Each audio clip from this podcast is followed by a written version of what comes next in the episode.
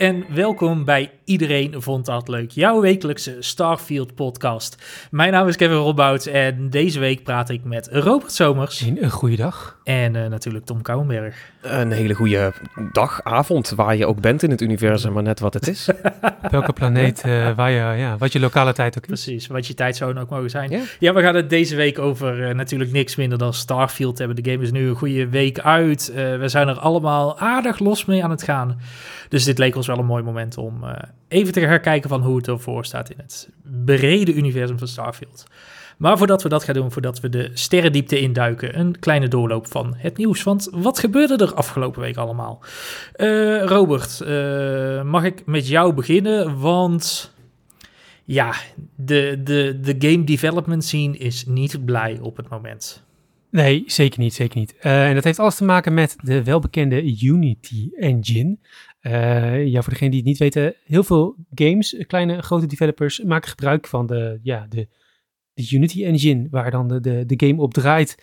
Uh, en het bedrijf achter dit, uh, dit stukje techniek heeft zijn voorwaarden veranderd. Of tenminste, die gaat per 1 januari 2024 zijn voorwaarden veranderd. En ja, daar, daar zijn mensen niet blij mee, want ja, ze gaan meer geld vragen. En nu denk je van, nou ja, net als Netflix heeft laatst een prijs verhoogd van je moet wat meer per maand gaan betalen. En dan komt er een, eh, paar euro bij of zo. Uh, zijn we ook allemaal boos, maar we betalen het wel gewoon. Uh, dat ligt hier iets anders. Want ja, niet zeg maar de vaste prijs of de, de, normale prijs die developers normaal betalen gaat omhoog. Maar ze hebben een nieuw ja, systeem bedacht op basis van waar je dan zeg maar moet gaan betalen. Dus als je zeg maar boven een bepaalde omzet zit of een aantal verkopen, ga je zeg maar per installatie van uh, uh, jouw game betalen. En dat betekent dus niet het aantal keer dat je de game zelf installeert op je eigen testcomputers waar je de game op aan het ontwikkelen bent. Nee, elke keer dat een gebruiker die jouw game al heeft gekocht, de game ergens installeert, ga je als ontwikkelaar betalen of als uitgever. Dus dat is, uh, ja, uh, het varieert. In het begin is het zeg maar voor, voor wat kleinere games is het 15 dollar cent per installatie. Uh, en dat loopt uh, dan verder iets naar beneden op het moment dat je heel veel meer verkoopt. Uh, maar je kunt je voorstellen dat ja, als jouw game dus heel vaak geïnstalleerd wordt, dat dat nogal snel oploopt. Dus developers zijn op z'n gezegd niet blij. Nee, nee, ik wou zeggen, het, het, heeft best wel vergaande gevolgen natuurlijk voor vooral kleine ontwikkelaars. Want volgens mij is, is, de, is de regel van je moet in meer dan 200.000 dollar verdiend hebben en meer dan 200.000 downloads hebben. Nou, of, nou denk je van, Volgens Juist, mij. of en. Volgens mij, maar het gaat... Um, ze zijn niet per se gelinkt aan elkaar. Dus die 20.000 dollar hoeft niet te maken hebben met hoeveelheid downloads. Dus stel, jij hebt... Ja, jij, jij verkoopt je game voor 20 euro de stuk. Uh, dat betekent dat je uh, 10, 20 of 100.000 games zou moeten verkopen. Om het zo te zeggen, om, om aan die grens te kopen. Maar stel, jij geeft jouw game op een gegeven moment gratis weg bij Humble Bundle of zo, dan krijg je daar geen geld voor, maar dat telt wel als installs uiteindelijk. Ja, mensen specifiek de charity bundles worden dus weer uitgesloten van deze regel. Want okay, we hadden zoiets van, oh ja, dan moeten we ons als bedrijf toch maar ons handen niet aan branden, want het is uh, uh, een goed doel. Uh, maar inderdaad, ook als een gebruiker... Game Pass. Ja, neem Game, Game Pass, Pass bijvoorbeeld. Die is dus ook uitgesloten. Um, ja. Ja, nee. Meteen springen allerlei partijen erop om dan zeg maar wel soort... Zeker natuurlijk een Game Pass, een Xbox. Hè, Microsoft kan natuurlijk wel zijn uh, invloed gebruiken om te zorgen van... Ja, uh, luister even, wij niet hè, met ons Game Pass. Want uh, we verdienen nog nauwelijks geld. Dus... we zijn arm. Het geldt dan weer niet voor iedereen, maar ja, en zeker de, kleine, de kleinere jongens, maar ook wel gewoon ja, de, de gevestigde developers die eens in zoveel jaar een nieuwe game aanbrengen, die gaan hier best wel wat van merken. en vooral dus het probleem is dat, dat ja, je weet natuurlijk niet hoe vaak mensen jou, of misschien weet je dat wel, maar daar heb je geen invloed op, dat, dat mensen gewoon jouw game opnieuw gaan uh, herinstalleren. Uh, omdat ze een nieuwe computer hebben. Of uh, gewoon omdat ze denken, ik doe even een schone installatie. Want al die mods die mijn Rimworld save nu fucken, daar moet ik even vanaf. Dus ik moet even helemaal overnieuw. Ehm, ja, dat kost gewoon die developer elke keer weer opnieuw geld. Ook van games die al wat ouder zijn. Je wouldn't dus download a game. You wouldn't download a game. you wouldn't download a car. I totally would download a car if I could. ja. ja, nee... Um, volgens mij sprak, uh, sprak Nederlands developer uh, Rami, uh, Rami Ismail al van een nieuwe manier om ook developers dwars te zitten eigenlijk. in plaats van reviewbombing had hij het over installbombing. Ja. Wil je gewoon een bedrijf financieel naar de kloten helpen, zorg dan dat massaal zo'n game geïnstalleerd gaat worden. omdat ze dan per installatie plots veel meer moeten gaan betalen dan dat ze ooit voor mogelijk hadden gehouden. Ja, en dan zegt Unity op, Precies, en dan zegt Unity op zijn beurt, ja, maar we hebben er allemaal wel uh, uh, security teams op zitten die dat dan gaan monitoren. En dan als het dan gebeurt, dan zorgen we wel dat het voorkomen wordt. Uh, maar ja, dat ligt dan allemaal wel in de hand bij Unity. En als die gewoon meer geld willen verdienen, kunnen ze zeggen: ja, nou, we zien niks. We hebben niks gezien. We hebben niks gezien. Ik, ik, denk dat dat het probleem ook is. Dat, dat, want daar hoor je dus ook verschillende ontwikkelaars over, uh, over struikelen. Het is vooral dat zij die, die audacity hebben om gewoon te zeggen: van hey, in retrospect gaan we trouwens dit doen. Ja. Dus die developers die committen aan die engine, want die was altijd gratis en had goede uh, terms of use, basically. Ja. dus stel je bent al een ding aan het, aan het maken, een project, een game, en dat zit nou al drie jaar in de pipeline nu ineens verandert dat allemaal, ja, dat kan gewoon gigantische gevolgen hebben. Je moet je ineens gaan indekken voor hele andere dingen. Dus uh, wat, wat Unity hiermee ook heeft gedaan, is heel veel goodwill weggooien. Want zij zijn nu de partij. Je kunt wel bij hun gratis beginnen, maar je weet nooit wat er aan het, weet je wel, aan het einde van de rit, uh, wat ze veranderen. Nou ja, en dus, in principe kun je dus ook niet meer gratis beginnen, want op het moment dat jij je game uitbrengt en je wilt toch wel dat hij toch meer dan 200.000 keer verkoopt, ben je gewoon fucked. Ja. Het is gewoon, uh, ben je gewoon klaar. En uh, zeker in dat, dat, dat retrospective aspect is wel gewoon heel naar. Want uh, nou ja, bijvoorbeeld de, de, de developer van Cult of the Lamp heeft al gezegd van... Ja, in januari jongens, download hem voor die tijd. Want daarna gaat hij gewoon bij ons van Steam af. Want wij, wij, kunnen en gaan dit niet betalen. We zijn het hier niet mee eens. en ja, het is, heeft ook gewoon invloed op hun, op hun bedrijfsvoering. Kijk, je plant inderdaad al ook nieuwe projecten. Je hebt al games in de pijplijn zitten. Uh, daar ben je voor aan het ontwikkelen. Daar heb je al mensen helemaal, die helemaal versed zijn in Unity. Je kunt die engine niet opeens veranderen. Uh, nee. Maar ja, je hele verdienmodel moet je ook omgooien nu. Want uh, je moet opeens veel meer geld gaan betalen. Dus dat is gewoon heel flauw en heel naar naar die developers toe. Kijk, als je als, als bedrijf meer geld moet verdienen, dat is dat dan tot daar aan toe. Maar ga dan in ieder geval in gesprek met developers om daar een soort van ja. eerlijk model neer te zetten. Ja, ja nee, zeker. Het is een uh, kleine disunity bij Unity, kun je wel stellen. Ja. Uh, en onder het uh, note. onder het note gaan we door naar Apple, die wel wat Unity gaat aanbrengen. Want het was weer september en dus een nieuw iPhone-evenement.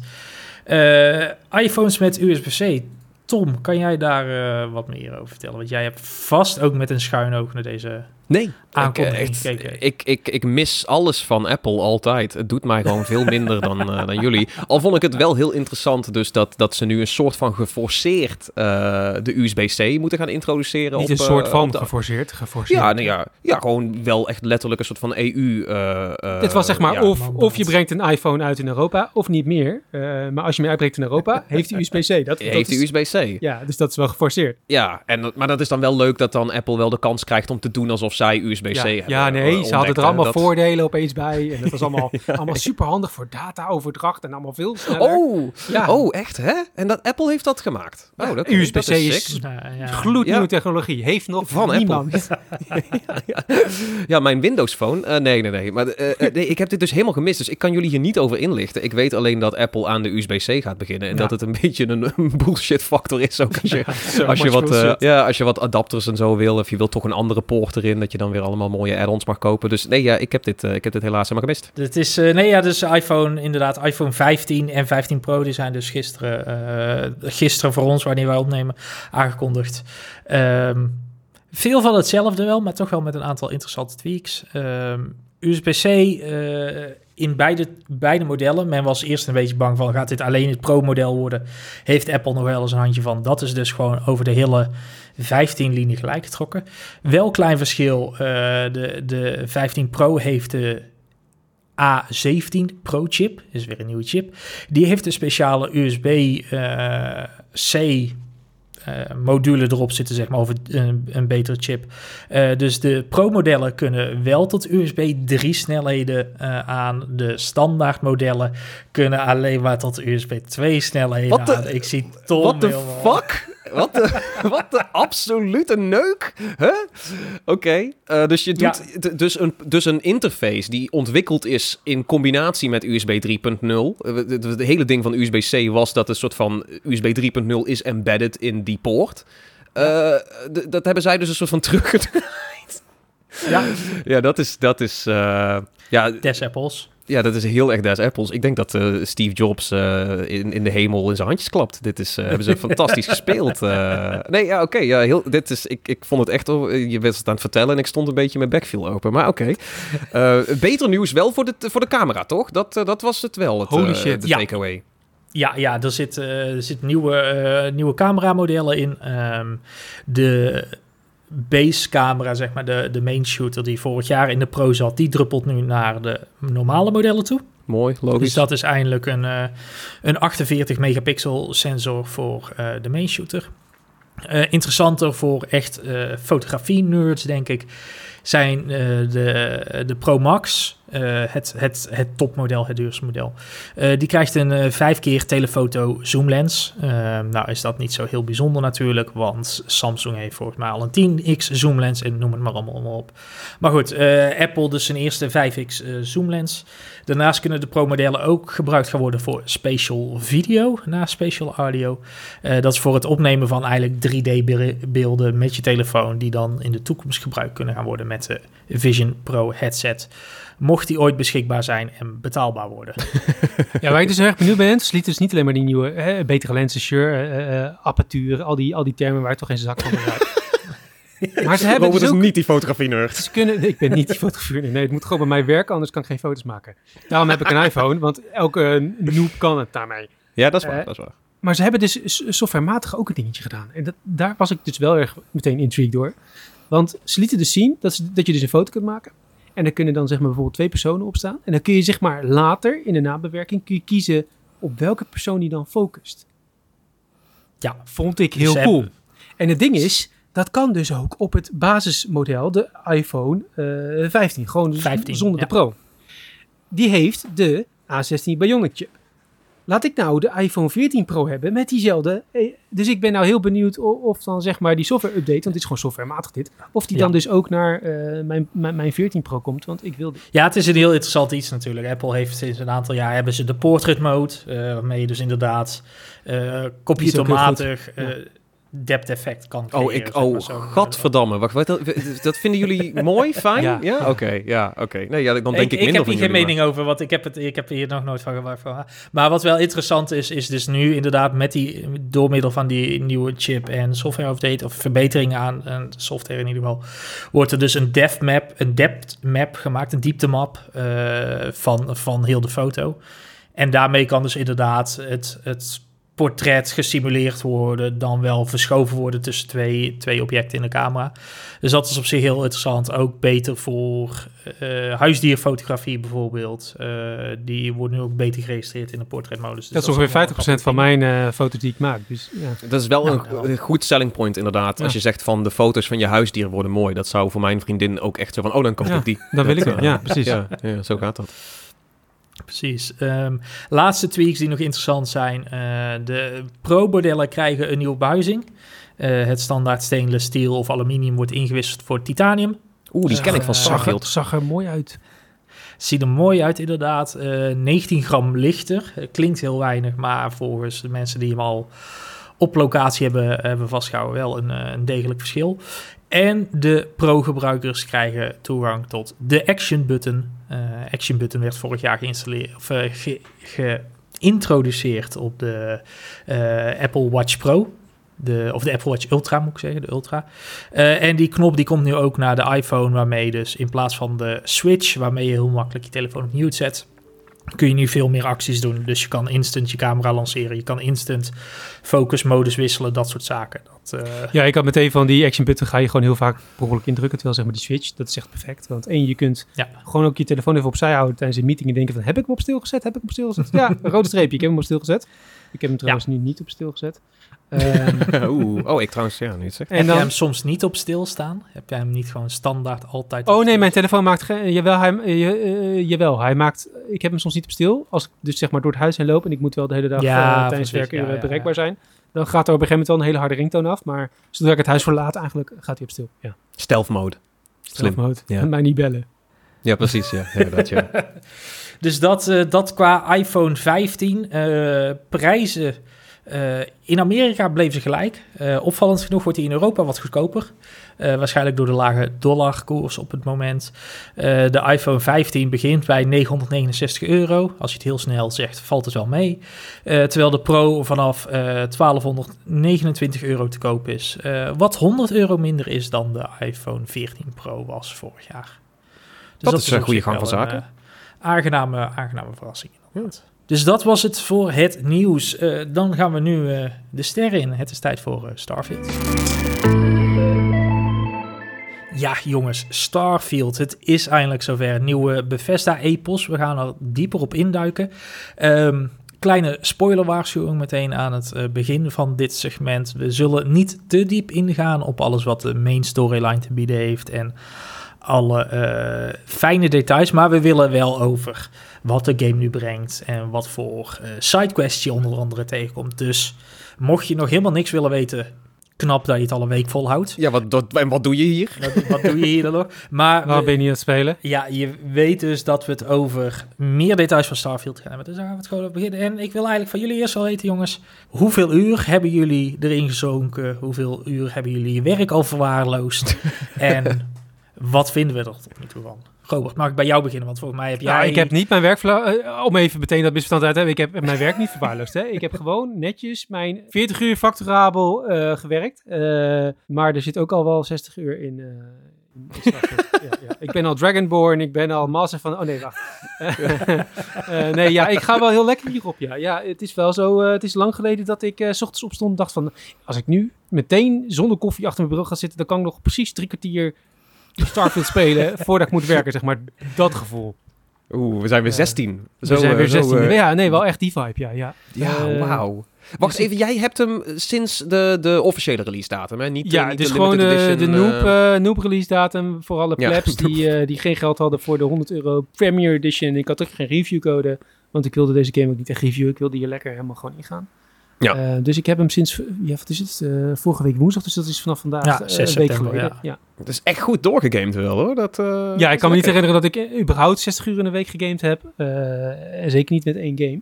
Dus ja, nee, ik ga hier heel goed op. Dat, dat, dat blijkt.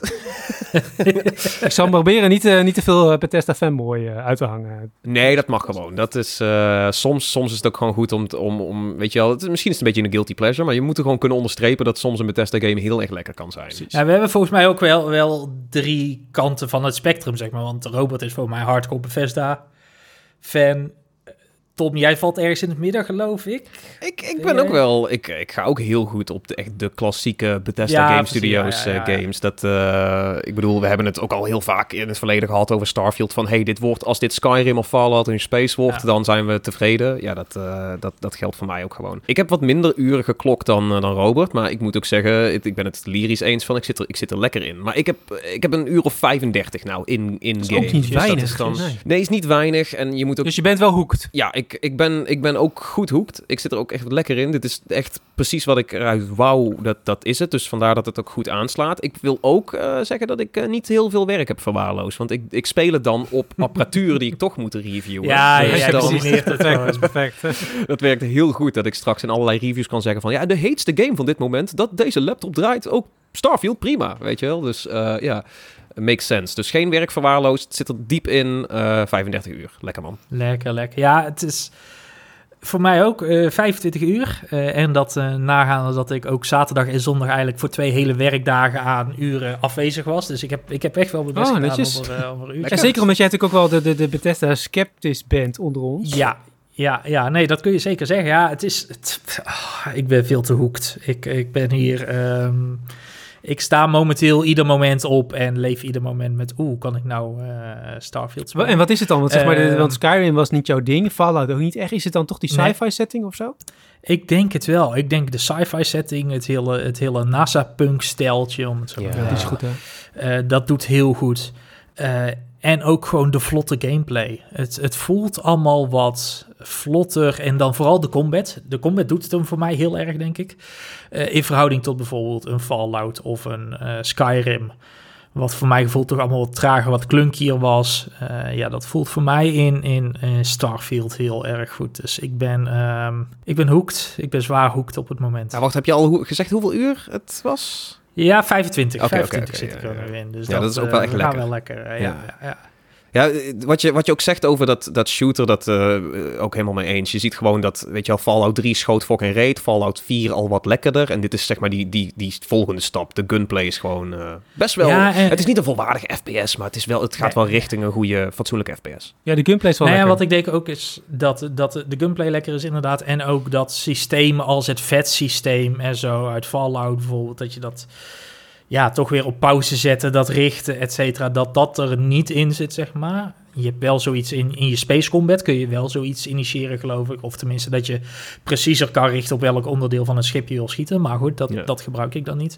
Ehm, dat dat er gewoon niet in zit. Dat je gewoon meteen inderdaad, ik loop een hoekje om, ik zie een gast, ik pak mijn grenade launcher en ik gooi een grenade op zijn muil, weet je. Ja. Dat dat gewoon één continue flow is, dat werkt gewoon heel fijn. Dus daar, daar ga ik wel goed op. Wel, wel leuk dat, dat, dat de Bethesda... Het enige wat Bethesda hoefde te doen om jou om te krijgen... was gewoon meer een shooter maken, eigenlijk. Ja, ja uiteindelijk wel. Ja, dat is, dat is echt... Ik ben een heel simpele ziel wat dat betreft. Dus, ja, maar dat, dat kan. Ik, ik vind het ook logisch. Het is een goede loop. Het is die, die Bethesda RPG, maar de combat, de combat is lekker. Ja, precies. Hey, en jongens, jullie... Uh, veel, best al wel wat uren erin. Wat is jullie favoriete moment tot nu toe? Wat, wat, wat kietelde jullie heel erg toen jullie hiermee bezig waren? Zijn er specifieke sidequests waar jullie echt zoiets van hadden? Van, ik heb er eentje heel specifiek, daar hadden jullie ook meteen over. Oh, heb je dit al gezien?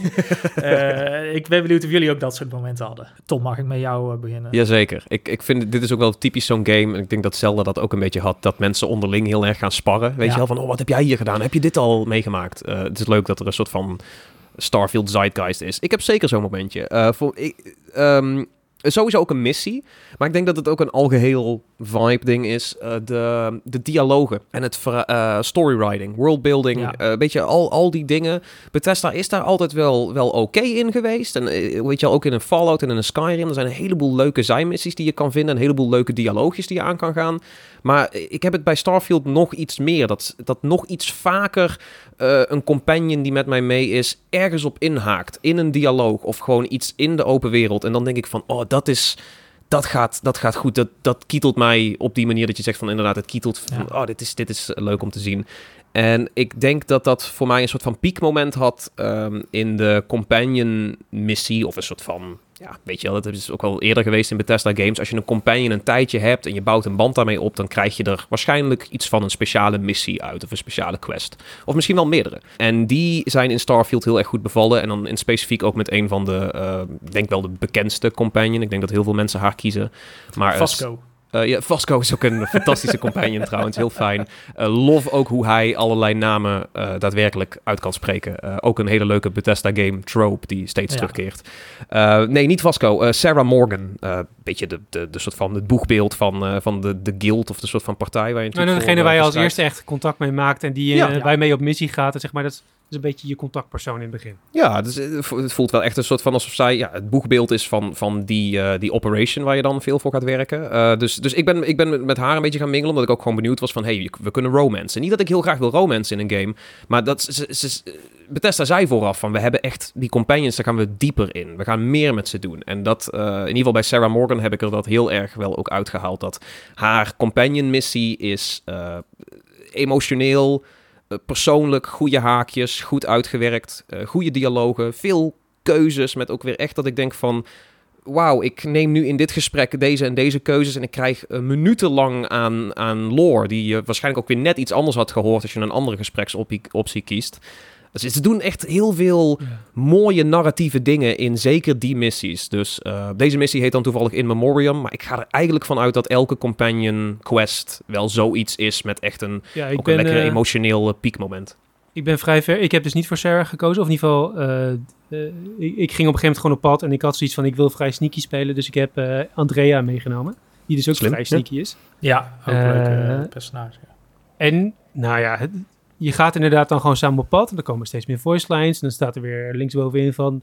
hey, uh, Andrea wil met je praten. En dan, nou ja, heel langzaamaan leer je dus gewoon die NPC echt kennen. Er zitten heel veel lagen in, heel veel stap, kleine, kleine stapjes. Maar elke keer, je hebt echt het gevoel dat het heel organisch gaat. net als zeg maar met echte mensen, dat je gewoon iemand na, na meeting na meeting, na avontuur na avontuur beter leert kennen. En dat gaat inderdaad heel ver en heel, heel uitgebreid met inderdaad allerlei missies eraan vast, die ook weer inhaken uiteindelijk op de main quest. Gaan vind ik zo zeggen, maar ik heb het idee dat ze dat bij die, bij die hoofdpersonages van de Constellation groep bij allemaal hebben gedaan volgens mij. Ja, die, ze, ze voelen allemaal vanaf moment één heel echt. En zo van, oh, jij hebt, een, jij hebt waarschijnlijk wel een verhaal. En soms zie je dat heel duidelijk. En andere keren komt het pas een beetje tevoorschijn als je wat langer engage met die mensen. En om daarop terug in te haken, want je hebt helemaal gelijk, Robert. Het, het gaat heel erg gelaagd. Ik vond het ook grappig dat het, uh, het vliegde.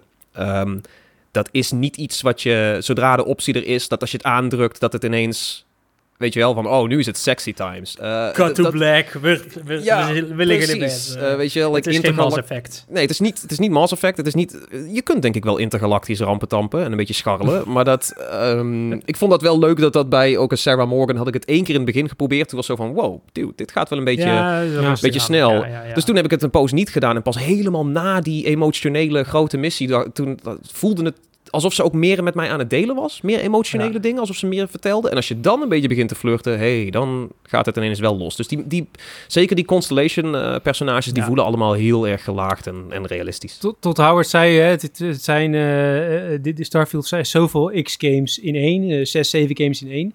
en in ieder geval, zeg maar, het stukje dating simulator hebben ze op zich denk ik wel goed overgenomen. Stuk ja. beter geworden. Ja, ja een stukje, snufje, snufje dating ja, ja.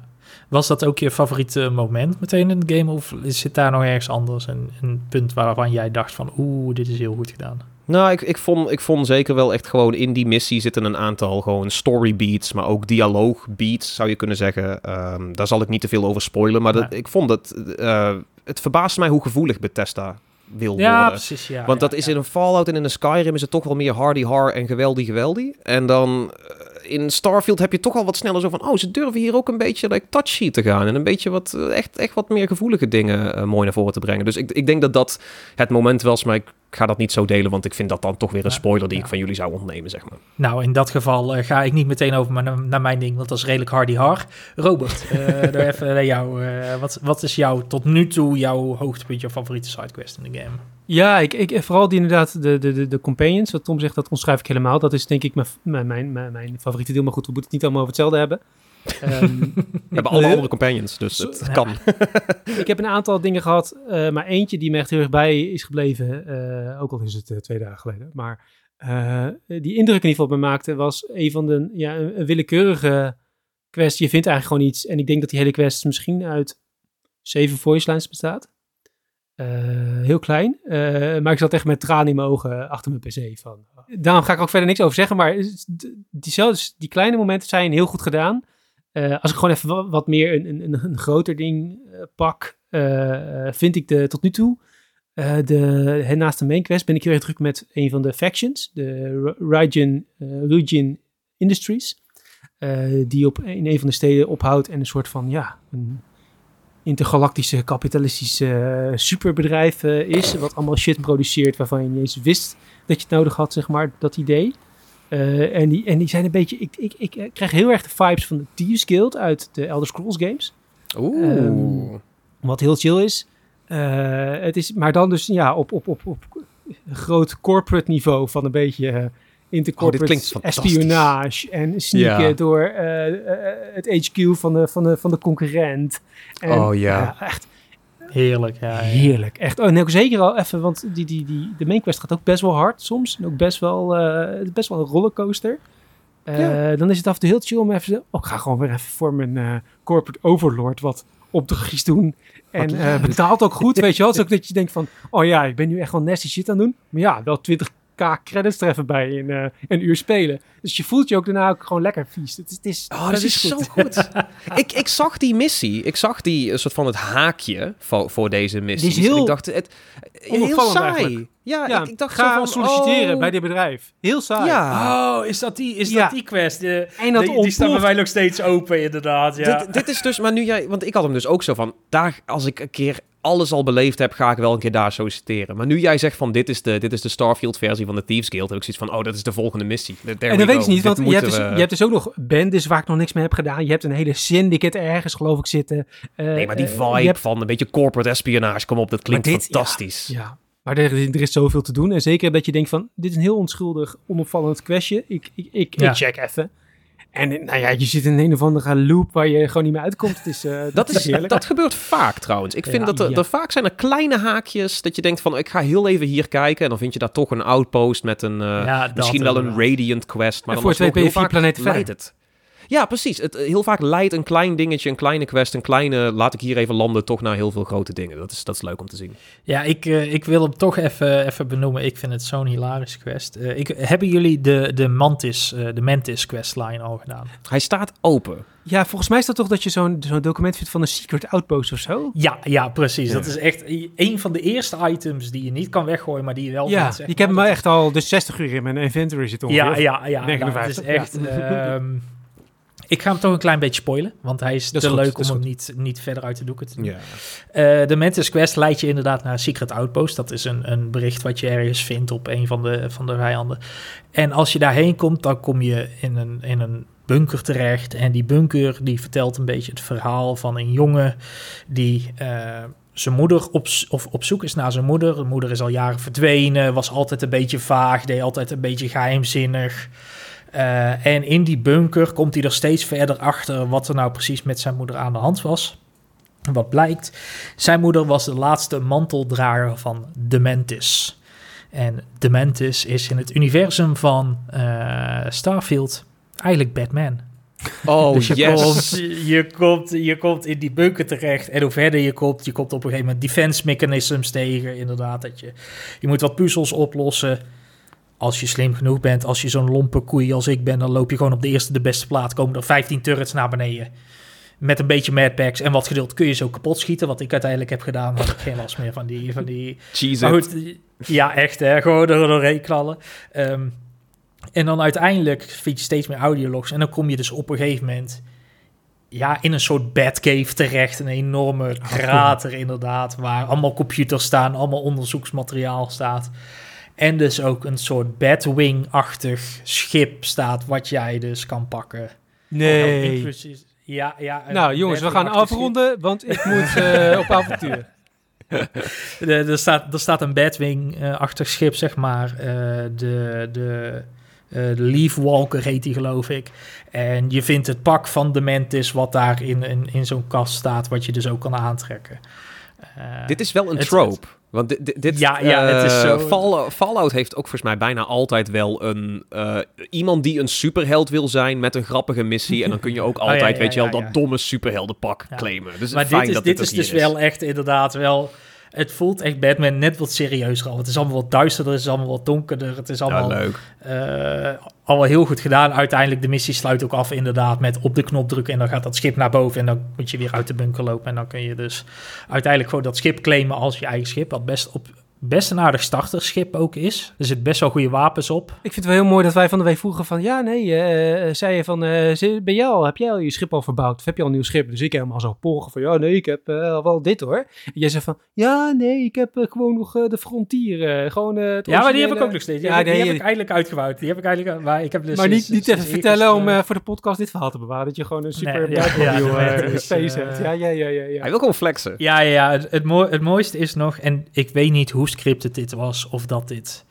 vaker random gaat gebeuren. Het is bij mij tot nu toe één keer gebeurd.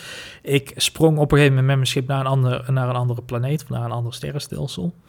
En daar waren dus Space Pirates aan het vechten. En op een gegeven moment hoor je radio komt, zeg maar radiocommunicatie oh shit, het is de Mantis. En ze schieten allemaal weg, zeg maar. Ze gaan allemaal meteen in grab oh, Ik heb er eentje bij lopen kunnen, maar ze waren allemaal meteen weg, zeg maar. Voordat ik er...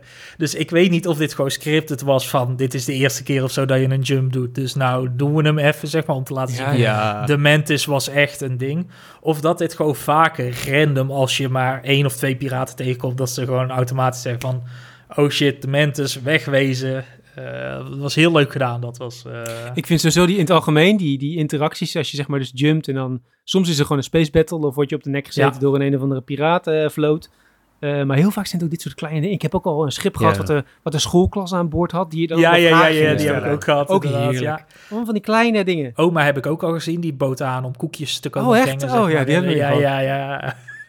Ah, dat zijn, dat zijn de, de leuke. Sowieso, hebben we eh, favoriete Easter eggs of kleine grappen? Want ik bedoel, dat is ook wel een beetje Bethesda Game Studios, toch? Dat is uh, leuke grap in de worldbuilding, leuke random encounters. Ik heb al, ik heb al, ik heb al een paar keer uh, gehad, wel dat ik inderdaad. I was a adventurer like you until I. yeah, ja, ja, nee, die, die heb ik al een paar keer voorbij. I was an explorer like you. Oh ja, ja, ja. But then ja, I, never mind. Ja, die, uh, die was uh, erg sterk, ja. ja. Ik, ik hoop nog steeds ergens op iets van een referentie naar Prey, omdat dat ook een Bethesda uh, property is natuurlijk in space. Ja, ik hoop nog mij, iets van een Star Wars referentie te vinden ergens. Heb ik een Prey-referentie gezien, maar dat ga ik nu niet verklappen, omdat mensen dat maar zelf moeten ontdekken. Oh, oké, oké. Okay, maar dus, dit en ik heb ook al naar andere games ook al referenties gezien, met name Morrowind. Oh. Ook misschien omdat ik ze net iets te graag wil zien. Leuk. Uh, want daar ja, komt mij Bethesda ja, ja, fandomism vandaan. Maar uh, je hebt zeg maar op sommige planeten zo'n zo'n klein wormpje wat dan zo hupst. Ja. Wat zeg maar net een Quama Forager is. Zeg maar gewoon exact. Dus dat is heel leuk. Uh, en ik heb van de week een, ja, een, een, een kort zwaard gevonden, wat dan een tanto heet. En waarschijnlijk is dat in het Japans ook gewoon een zwaard. maar daar, dat was zeg maar het zwaard van Morrowind samen met de Wakazashi en de, de katana. Die had zeg maar hele specifieke zwaarden. En deze zag er exact zo uit als in Morrowind. Ja, uh, dus ik denk dan meteen, ja, dit is gewoon... Uh, en, die heb ik niet verzonnen. Uh, er is een van de, van de scores, van de, van de soundtracks... die je zeg maar gewoon hoort als er niks aan de hand is, geen gevaar. Ja, de ambient muziek. Gewoon ambient muziek. De eerste drie, vier tonen zijn exact als een van de... en dan zeg maar niet de hoofdscore, maar een van de soundtracks van Morrowind. Gewoon alleen het eerste stukje. En ik dacht dat ik het me inbeelde. Ja, ja, ja. En toen ja. zegt op een gegeven moment een vriend van mij... die dus ook Morrowind helemaal kapot gespeeld heeft, uh, die zegt tegen mij: Ja, heb je gehoord? Er zit een Morrowind. Dus ik denk: Ik heb het ja. niet verzonnen. Het is echt. Het ligt niet aan jou. Het nee, ligt niet aan jou. Dat is ja, fijn. Ja, ja ik, uh, ik, ik heb, ben er zelf niet voor gegaan, maar ik vond het wel hilarisch dat dus de, de Adoring fan, uh, dat ze dat gewoon er zo terug in fietsen. ik ga er wel een keer een playthrough doen met ook gewoon de Adoring fan. Dat lijkt me wel, wel lachen. Maar wel interessant, welke trades hebben jullie gekozen? Dat ik... Ja, dat wou, dat wou ik net vragen. ik ben een empath. Um, wat was het ook alweer? Ik heb er, je hebt er drie, toch? Je moest er drie kiezen. Ja, ja. ja ik, ik was volgens mij... Ik, ik probeerde een beetje... Want ze, ze hebben grote voordelen, maar ook flinke nadelen. Hè? Van hier is een huis, maar ook de hypotheek. Er is um, de hele tijd een uh, trade-off. Ja, ja, ja. Ik ben, ik ben dus voor... Uh, ik, ik weet even niet zo snel meer wat ik had, maar Empath is wel eentje die ik, die ik zeker aan kan raden als jij persuasion en dergelijke en uh, ja. praten in de game leuk vindt. Want je krijgt dus een compleet eigen statistiek die als jij iets goeds doet in een gesprek, krijg jij gewoon een boost. Ook in de combat, ook in de XP, ook in de andere oh, nice. persuasion ja, dingen. Ja, en als je iets verneukt in een gesprek, dan krijg je dus ook echt dat je gaat twijfelen aan jezelf. En dat is dus oh. weer een negatief effect. Maar als je veel praat en je speelt veel op persuasion en je doet dat met empath, dan die twee gaan elkaar versterken. En oh, dan die had ik van, moeten oh, kiezen, als ik dit zo hoor. Ja, ik heb, Dan, dan kijk ik ook naar de stats. Ik zeg, oh, ik heb weer zelfvertrouwen. Dus dan kan ik weer extra veel gesprekken Oh, heel goed, goed, doen. Dus dat is een loop die uh, Ik wil dit nu, ik moet overnieuw beginnen. New Game Plus. Ik, want ik lul me, zeg maar, ik lul me zeg maar door al de quest lul ik me heen. Ik, ik, ik probeer ja, altijd vechten voor mij en altijd die persuasion gewoon te gebruiken. Ik heb daar ook alle punten al in zitten. Ja, dat is Empath was eigenlijk wel de way to go. Ja. Oh, wat cool. Ja, nee, die, is, uh, die is gaaf. Voor de rest, ik ben het gewoon even vergeten. Die anderen hebben een veel minder grote... Ik vond drie ook uh, vrij veel. Ik had ook wel de moeite om de, de eerste twee... Uh, had ik iets van, dat, dat oké. Okay. Maar de, de, de derde had ik ja god, wat moet ik dan nou nog Maar ze zijn wel leuk. Ook dat ik hoor van mensen die dan gekozen hebben dat ze ouders hebben. Die zeggen van die ouders zijn super... Die heb ik dus. Oh, heb jij de, ja, jullie hebben allebei de ouders? Ja, ja, ik heb... Oh, dan ben ik Bruce Wayne. Oké, okay. vertel over jullie ouders. Ja. heel stereotype verder. Maar het, het, is echt wel inderdaad. Het is, soms loopt de game een beetje langs elkaar heen. Want dan, ik had, ik had op een gegeven moment dus. Um, als je dan net je eerste paar missies met Constellation, de, de groep, hebt gedaan, zeg maar. Dan uh, komen je ouders dus op een gegeven moment bij je werk kijken, om het Cute. zo te zeggen. Dus die komen echt zo van: Oh, dus hier werk je, superleuk. Dus dat was echt zo van: uh, Mijn ouders zijn er. En terwijl mijn ouders nog in de kamer staan, zeg maar, zegt een van de companions, zegt van, uh, ja, trouwens, je vader was Ja, er daar klopt. straks en die had een berichtje achtergelaten precies of je dat. langs wil komen. Dat ik denk van, Ja, they are right Ja, fucking ja, there, dat dat know? niet lekker. Nee, dat had ik, Kun ik je niet precies dit. voorkomen? Ja, nee, dus dat is, eh, nee, niet voorkomen. Eh, nou, ik denk het wel. En het, zijn, het zijn net van die dingen, en dan als je, als je dan voor het eerst daarna bij je ouders komt, dan is het van, Zit je bij ja, Constellation? Wat vet! jullie waren er dus ja. straks al. Ja, ik, ik heb begrip voor deze dingen, omdat ze zoveel mechanismes op elkaar stapelen. Dus als ze soms clashen, heb ik zoiets van... Oké, het haalt me een klein beetje uit de game, maar ik heb er ook begrip voor, omdat ik weet hoeveel lagen en, en het is interchanging... dat inderdaad is heel veel lagen, maar het is ook meteen dat ik denk van, met mijn rolsbril op... Oh ja, wacht, ik ben toch wel een Bethesda-game aan het spelen. Want ja, ja, ja, Dit hoort erbij. Dit hoort erbij. Robert, welke, welke perks had jij nog? Ik had dus inderdaad ook kids, uh, kids Um, en ik heb Wanted gekozen, met specifieke reden. Uh, dan krijg je dus Bounty Hunters achter je aan. En ik wilde gewoon weer, oh, ja, in moment heb je zeg maar de uitbreiding, uh, dan moet ik het goed zeggen, Tribunal. en dan krijg je de Dark Brotherhood krijg je achter je aan. maar meteen dus zeg maar, zoals de meeste mensen hebben hem meteen gekocht in zo'n collection. En dan heb je dus meteen gewoon die uitbreidingen erbij.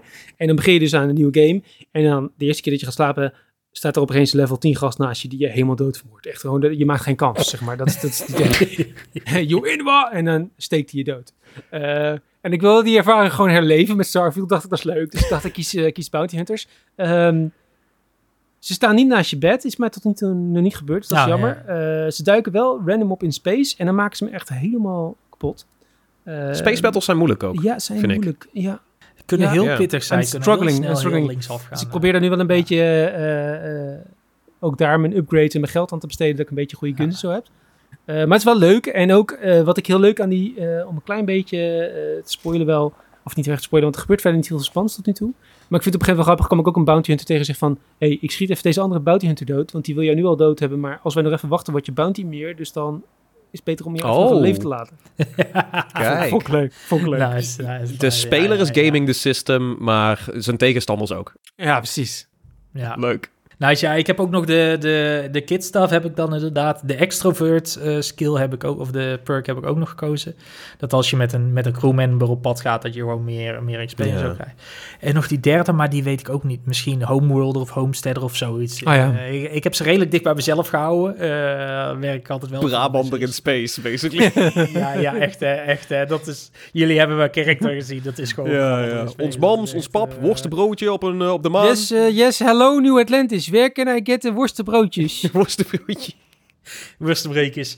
Nee, en uh, dat, dus, dus perks, maar je hebt ook nog je, je achtergrondverhaal. Wat hebben jullie daar dan? Want ik, ik ben voor Combat Medic gegaan, omdat mij dat heel praktisch leek. Want ik weet hoe ik speel. Ik rush gewoon head first in combat. Dus dan is het wel makkelijk om jezelf snel te kunnen herstellen.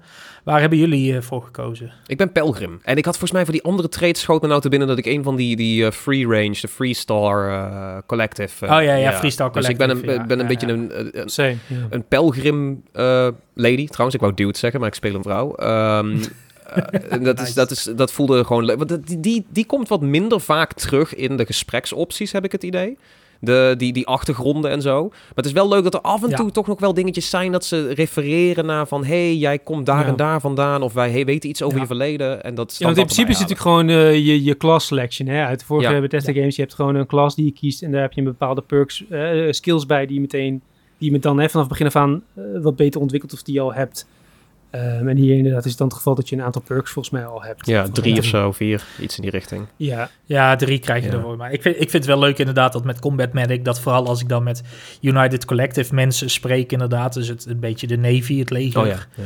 Uh, dat, die, dat die vaak zeggen, oh, I see your work, combat medic, always good to have on the field. Dat soort dingen, weet je. Dat, het maakt toch net die beleving ja. wat, wat... Ja, dat, dat ja, want is inderdaad, je, ik, had, ik had voor de industrialist gekozen. Uh, dat leek me wel cool, gewoon ook een cool background. Ja. En die had wat, ik weet echt niet meer precies welke perks.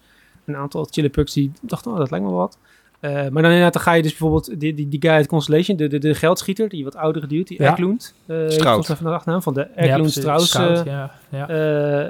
Starships. Ja, precies. Uh, en dan heb je op een gegeven moment zo'n uh, back and forth met hem. Je gaat op een gegeven moment ook een keer met hem op missie en zo. En toen had ik als dus industrialist, dat ik zo van, oh ja, ja, nee, dat ken ik wel, want uh, ik ben ook een big guy. Ja. Weet zo kon je dan reageren. Wat dan weer even heel, heel, heel leuk is en heel erg ja, ja. goed is voor je character building ook. Dus dat, dat, dat, doen ik had, ik had echt, ik had echt zo 100% toen ik hem zag, had ik er echt zo 100% ingezet dat jij gewoon Star Trucker was geworden. Dat ja, nee, ik vond de perks niet leuk, maar die zag ik inderdaad wel. Denk, oh ja, ik heb wel standaard nu de Star Trucker fit aan. Want die is heel, heel cool, vind ik. Ja.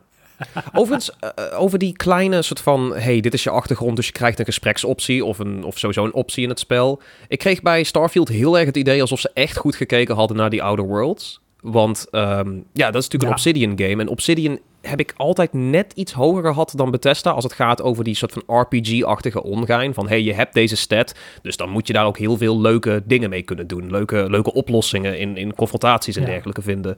En het voelt voor mij alsof ze dat in Starfield nu echt wel veel beter doen dan, dan uh, in de voorgaande Bethesda Game Studios. En ik ja, denk, veel beter. Ik denk veel meer die D&D vibe. Ja, maar ik denk, nou, ik denk dus vooral dat ze dat echt, dat ze toch een beetje uh, op de teentjes zijn getrapt door, door Obsidian met die Outer Worlds, die toen ook zeiden van, hey, wij gaan Fallout echt in space maken. En dat, dat, dat was, qua RPG-stuff was dat ontzettend sterk gedaan. En uh, Starfield stelt niet teleur na die game. Dat viel me op. Dus het, ik kreeg heel erg het idee van, ah. die hebben echt gekeken naar die Outer Worlds en zo van, wat doen zij goed? Want dat, wij moeten dat ook hebben in Starfield. Dus dat, uh, die twee hebben elkaar leuk uh, versterkt. Misschien is die daar wel een jaar uitgesteld.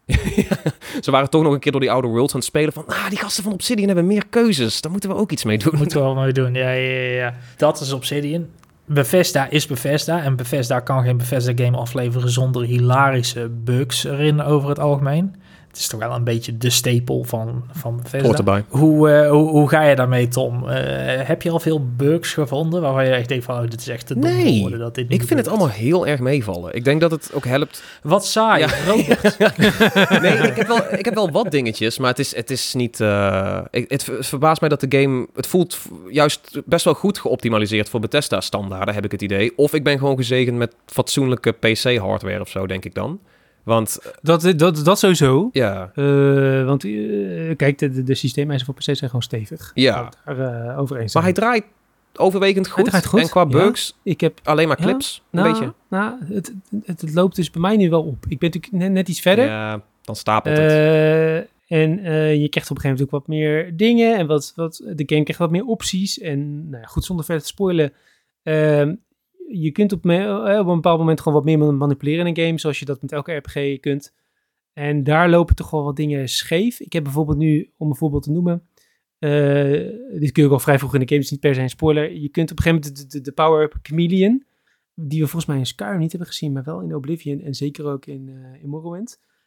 Maar dat je dus, zeg maar, als je sneakt, dat je, nou niet onzichtbaar, maar je, ja, je, de, de, de, omgeving gaat in je op. En dat vertaalt zeg maar visueel, vertaalt, zich de, vertaalt de game dat naar... Uh, je wordt een soort van doorzichtig en je bent nog een klein beetje uh, reflecterend. Een beetje, een beetje Halo Combat Evolved uh, uh, camo skin, toch? Die, soort van, je ziet een soort van glazige, waterige, dat, dat wordt je een beetje. Ja, ik had vroeger geen Xbox, dus ik heb geen idee. Ja. maar wat Andrea ook ja. doet, wat Andrea ook doet in de game, toch? Ja, ja precies dat. Ja, ja. precies, ja en nou ja, goed, wij dus samen chameleon hè, door al die dingen heen. En, maar ik heb dus nu sinds een, uh, denk ik sinds gisteren of zo, dat ik af en toe dus heb dat ik dan dus uit een missie kom en dan dus weer gewoon opsta en gewoon loop. En dan, uh, ja, niet meer chameleon wil zijn, maar dan blijft mijn body dus wel chameleon. Assets hangen. Lekker, dat is... Uh... en ik kom daar dus ook niet meer uit. En dat is dus heel ja, awkward ja, ja. als je dan dus een beetje, nou ik loop dus ook nog graag zeker door de steden en zo, loop nog wel een beetje third person rond, dat je een beetje opgaat, zo van, oh ja Third person is er niemand. personage, een beetje cool te zijn. En dan is er niemand. Ze zien me niet En het ziet er ook heel awkward uit, zeg maar, als je sommige wapens vast hebt. Want dan heb je dus gewoon, gewoon, gewoon lucht vast. Gewoon... Ja, dat is wel jammer. Nou, je wil wel je ja. wapens kunnen zien, want de wapens zijn best dope ook. Dus dat, ja. Ja, en dan, dan als je dus opstaat, want je sneakt niet meer, zie je dus... Want als je dus sneakt in Chameleon, zie je je wapen dus ook niet. Wat heel irritant is als je dus uh, aim, aiming down sights ja, dat heb ik... dan zie je dus je sights niet. ja, ja. Dat is heel irritant. Vrij onhandig. Maar goed, dan denk je, oké, okay, dat, hoort, uh, dat hoort bij de skill, want dat is de trade-off. Uh, je bent niet ja. zichtbaar en als iemand ergens een wapen ziet hangen, zien ze je alsnog. Dus dat, dat kan ik dan nog bij. Maar dat je dan zeg maar dus wel je wapen ziet als je dus opstaat, maar dat je jezelf nog comedian bent en je ziet dus gewoon een wapen zo in beeld zo zweven. Dat is raar. Dat is gewoon raar. Dus dat is een hele irritante. En ook een hele irritante. Dus ik ben uh, al best wel bezig met een outpost uh, Secret Moon base aan het bouwen. Daar ben ik heel druk mee.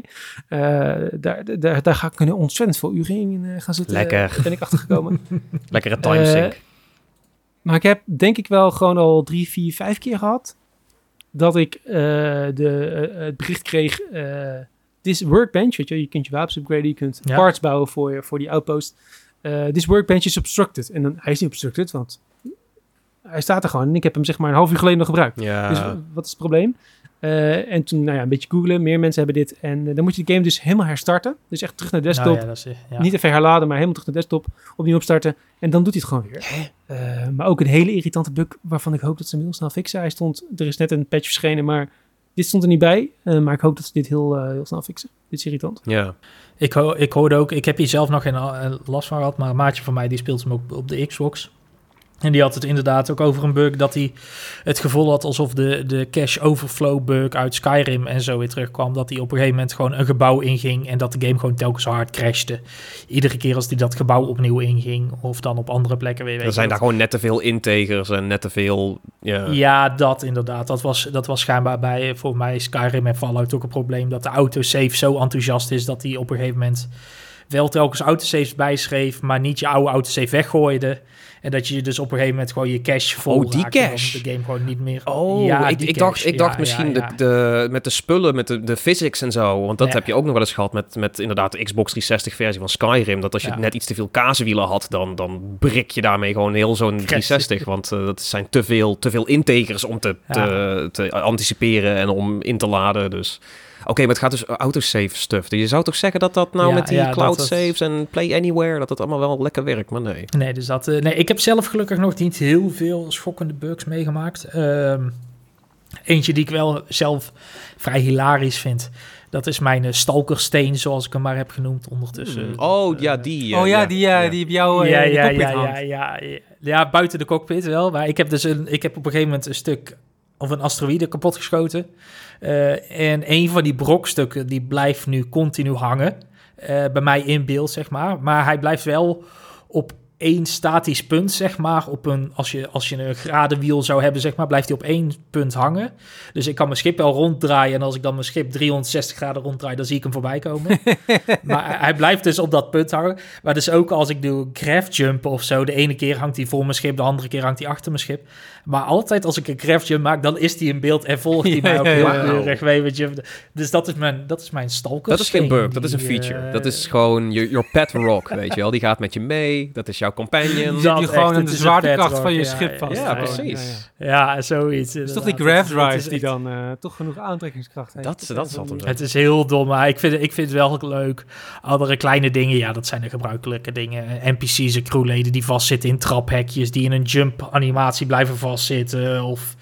Gewoon dat soort dingen natuurlijk. Ja, ik heb ook al op Mars gehad dat iemand gewoon zonder outfit rondliep, zonder space suit. Oh, ja, ja. Gewoon zo'n oh, guard. Ja, gewoon naakt met zijn gun. Terwijl jij nou, meer van Mars ga je dat niet lang, uh, lang volhouden. Denk Elon Musk waarschijnlijk wel anders. Ja, ik, wou, ik wou net zeggen, daar, ga je niet lang volhouden. kunnen we wel iemand uh, op afsturen voor empirisch ik bewijs. Het wel testen. Ja. ja, nee, de, de, de, de clipping, dat hoort er een beetje bij, heb ik zoiets van. Soms, uh, soms zit ik door mijn companion heen en dan zit de companion door de muur heen. En dan denk ik van, dat, uh, fair game, dat moet kunnen. Ook heel de tijd het back and forth, weet je wel, als je dan of een lift in of uit gaat, of, een, of, een, of zo'n space... Airlock. zo'n zo'n airlock inderdaad, dat je dan echt zo van Oké, ik klein ruimtje. Oké, ik ga er doorheen en ik wil eruit gaan. Oh nee, de deur zit dicht, want mijn companion komt op dit moment aan de andere kant de ja, door. Dus ik kan nu niks.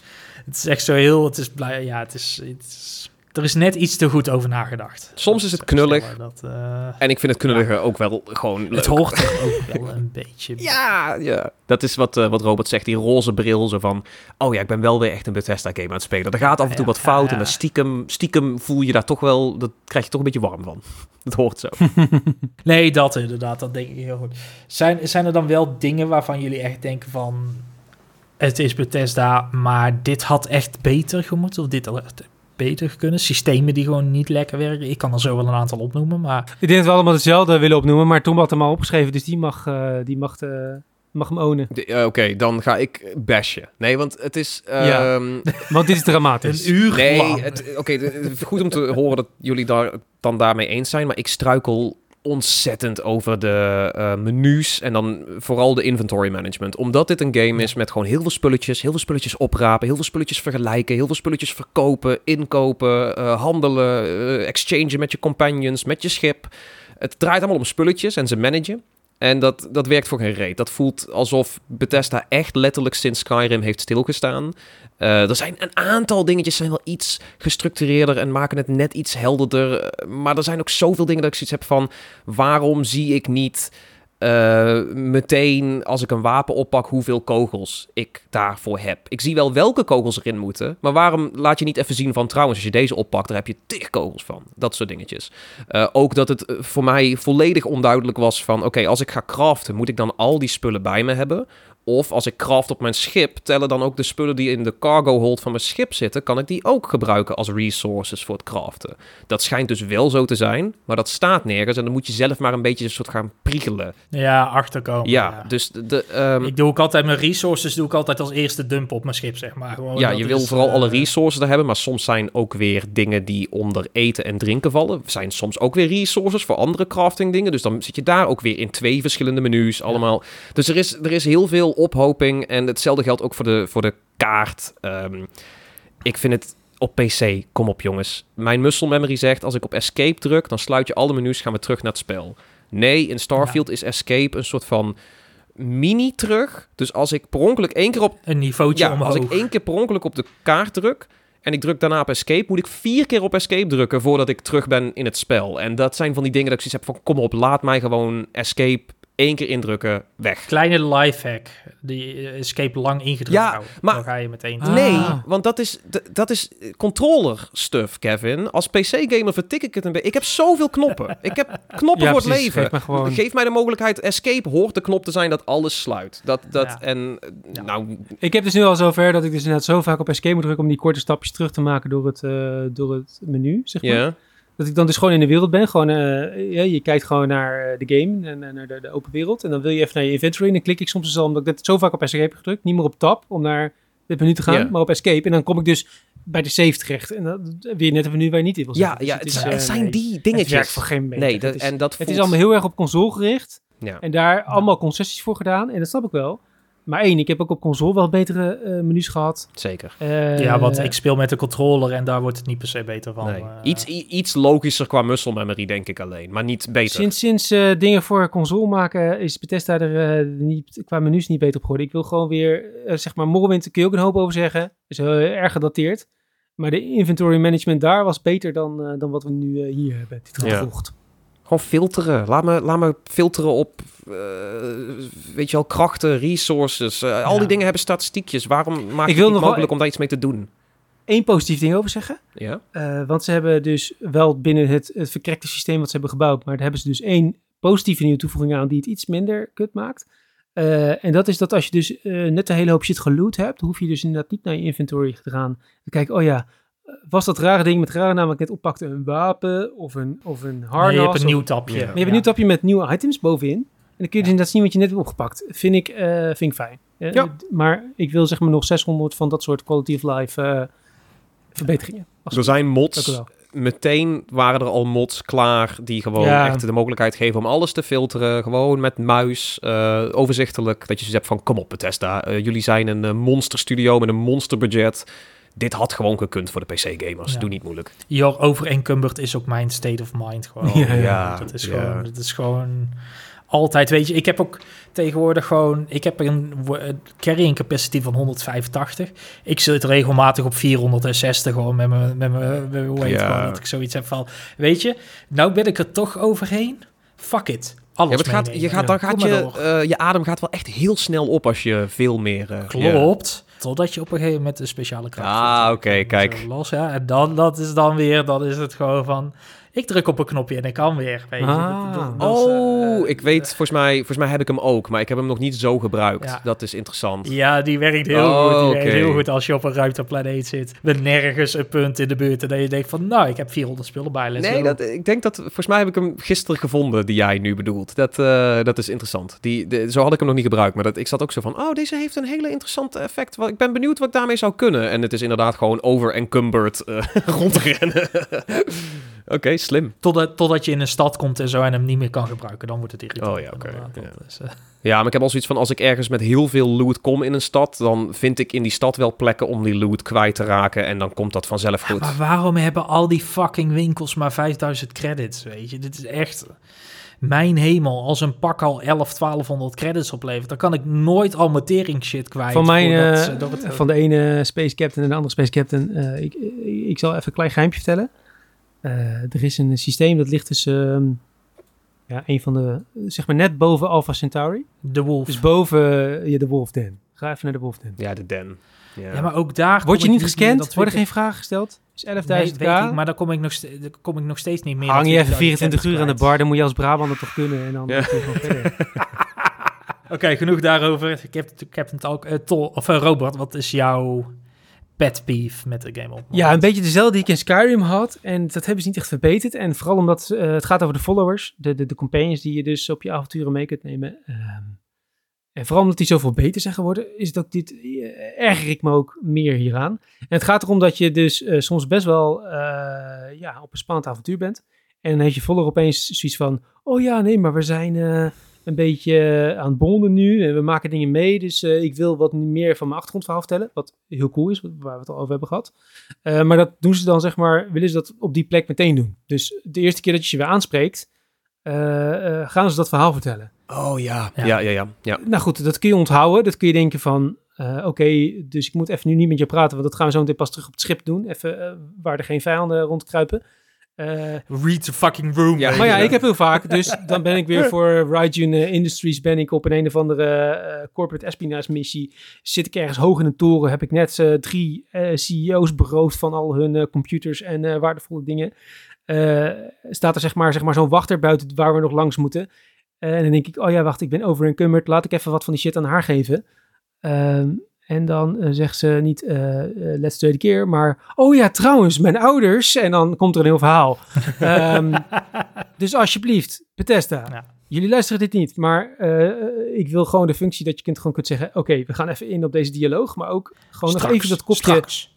Straks, ja. ja ik wil nu gewoon even gear handelen. Want dat is nu noodzakelijk. En het was heel irritant. Ja, maar ook, ook gewoon, weet je, dat je, dat je een kastje wilt uh, openen en dat uh, Vasco langsloopt en dat je denkt van...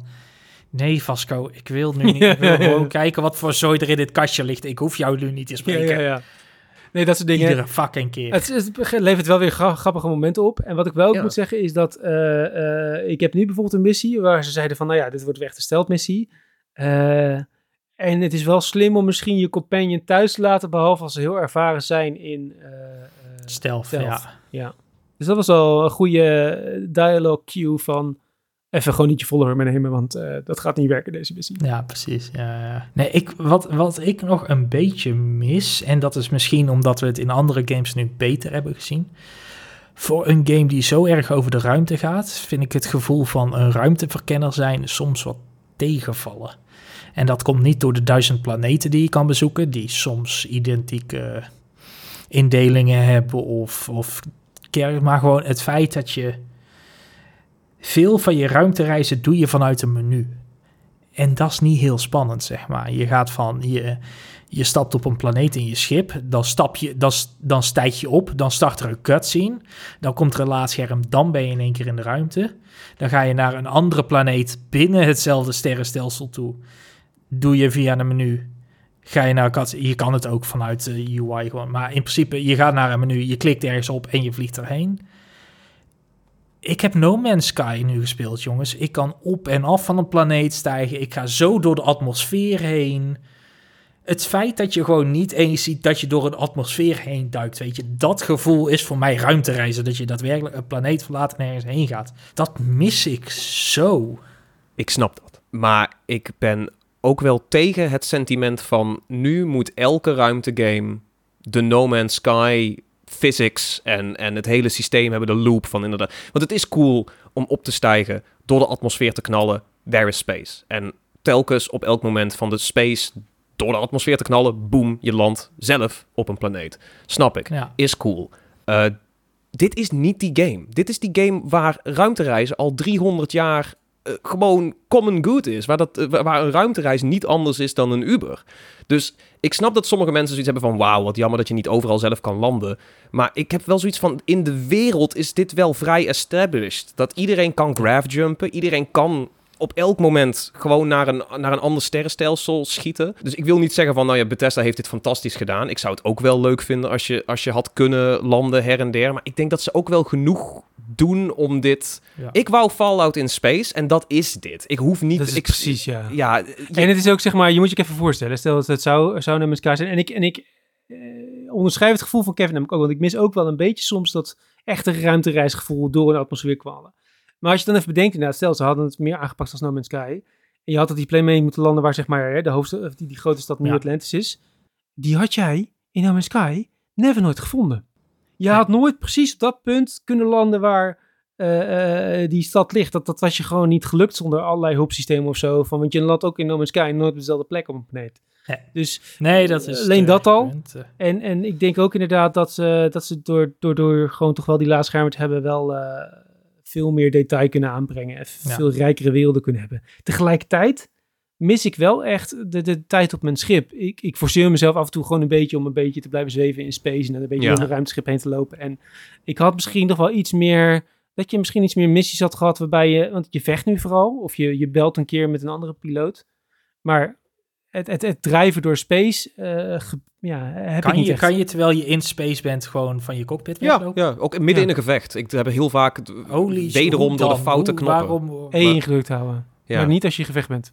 Nou, dat, ja, of je heet Tom en je doet dat wel, zeg maar. Dat, uh, dan, uh, ik, ik, oh, dit is echt, dit is echt, dit is, hier gaat de wereld voor mij over. Voor mij, voor mijn gevoel kon je alleen van je stoel weglopen als je gedokt bent. Nee, overal. Bent Altijd. Je kunt, kan overal, oh, dat wist ik, dit, dat wist ik niet. Dat ik doe het elke keer als, ik een, uh, als er dus iemand een uh, comms start ja. en een communicatielijntje probeert te openen. En dan moet je dus op E drukken en dat, daar zit vertraging in. Ja. En daardoor hou ik één oh, ingedrukt en sta ik dus altijd eerst op van mijn stoel. Dan moet ik weer gaan zitten en dan kan ik het, telefoontje beantwoorden. Heel handig als een bounty die zegt, antwoord nu, anders dan openen we alle kanonnen.